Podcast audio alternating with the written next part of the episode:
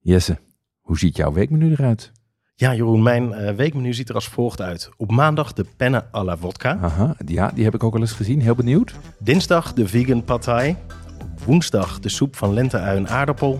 Oké, Donderdag gongbauer kip met pinda. lekker. Vrijdag de harira van Monier Toep. Ik heb er nu al zin in. Dat is, een, eh, is weer een prachtig, heel gevarieerd menu. Kan je iets zeggen over hoe je dat, eh, hoe je dat hebt samengesteld? Ja, het is inderdaad een heel diverse combinatie geworden met een aantal heel mooie klassiekers daarin ook. Ehm, de pad thai natuurlijk, de vegan versie. En de pad thai is het nationale gerecht van eh, Thailand. Ja, De gong bao, dat is een eh, klassieker uit de Chinese Sichuan keuken. ja iets minder bekend, maar heerlijk. Absoluut. Eh, en een harira, dat is een Marokkaans gerecht dat eh, traditioneel een heel belangrijke rol speelt tijdens de Ramadan. Ja, dan zijn we toch de wereld rond in, in vijf gerechten. Zo is het. Ehm, ik zie vlees op donderdag en op vrijdag. Ja, dat klopt. Dat is de gong bao op donderdag. Dat is eentje met kip, Ja, maar die is heel goed te vervangen door gestoofde en gestoomde bloemkool. oh ja? Ehm, op vrijdag hebben we die harira met een beetje mager rundvlees erin. Het is echt wel voor de smaak, want dit is zo rijk aan linzen, kruiden, eh kikkererwten. Hier zit je helemaal goed qua voedingsstoffen en smaak als je die weglaat. Oké. Ehm, ik ken jou, Jesse. Jij houdt wel van uitdaging in de keuken, hè? Ehm, heb je er wel op eh, gelet dat de recepten een beetje te doen zijn voor door de week? Absoluut. Het zal je een beetje verbazen, maar al deze recepten zijn binnen een half uur te maken. Maar wel heel belangrijk dat je zorgt voor een goede mise en place. Een goede mise en place, dat is een mooi en ingewikkeld Frans woord.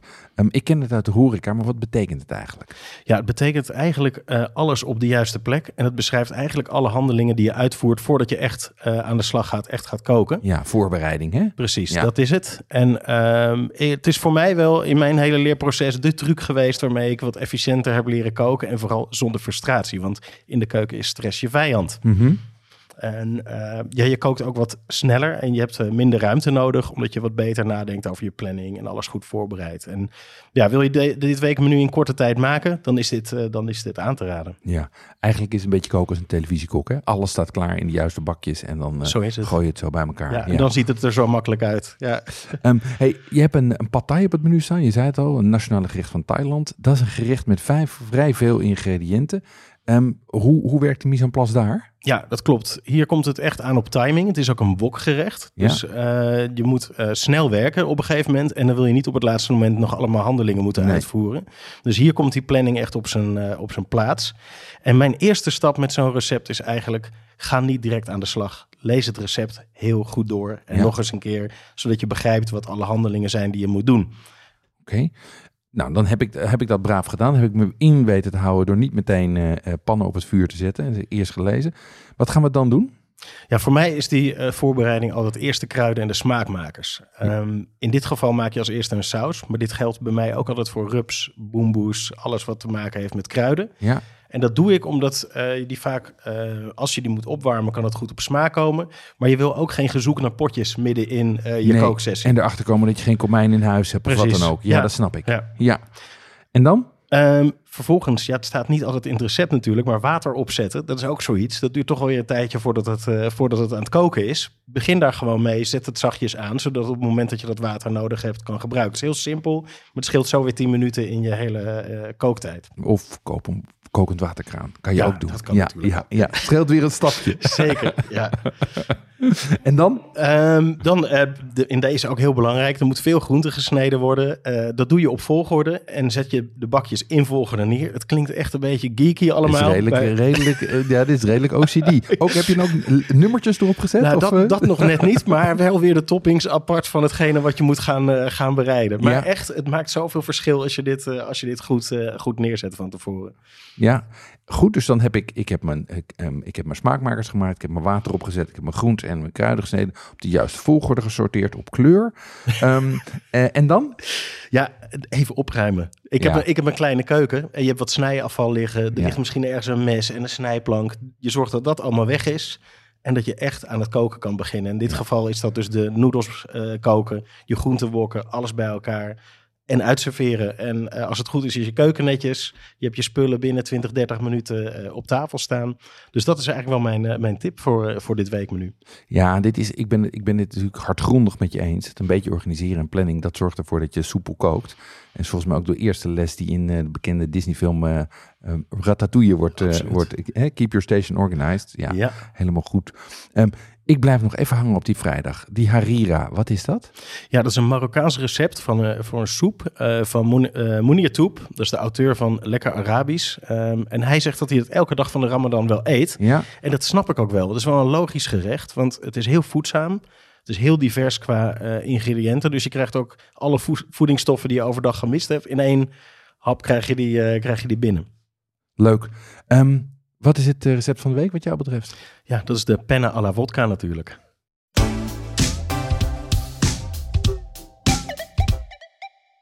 Tobanjan en tamarindepasta, Carnaroli rijst en de juiste tahini. yuzu sap en panko.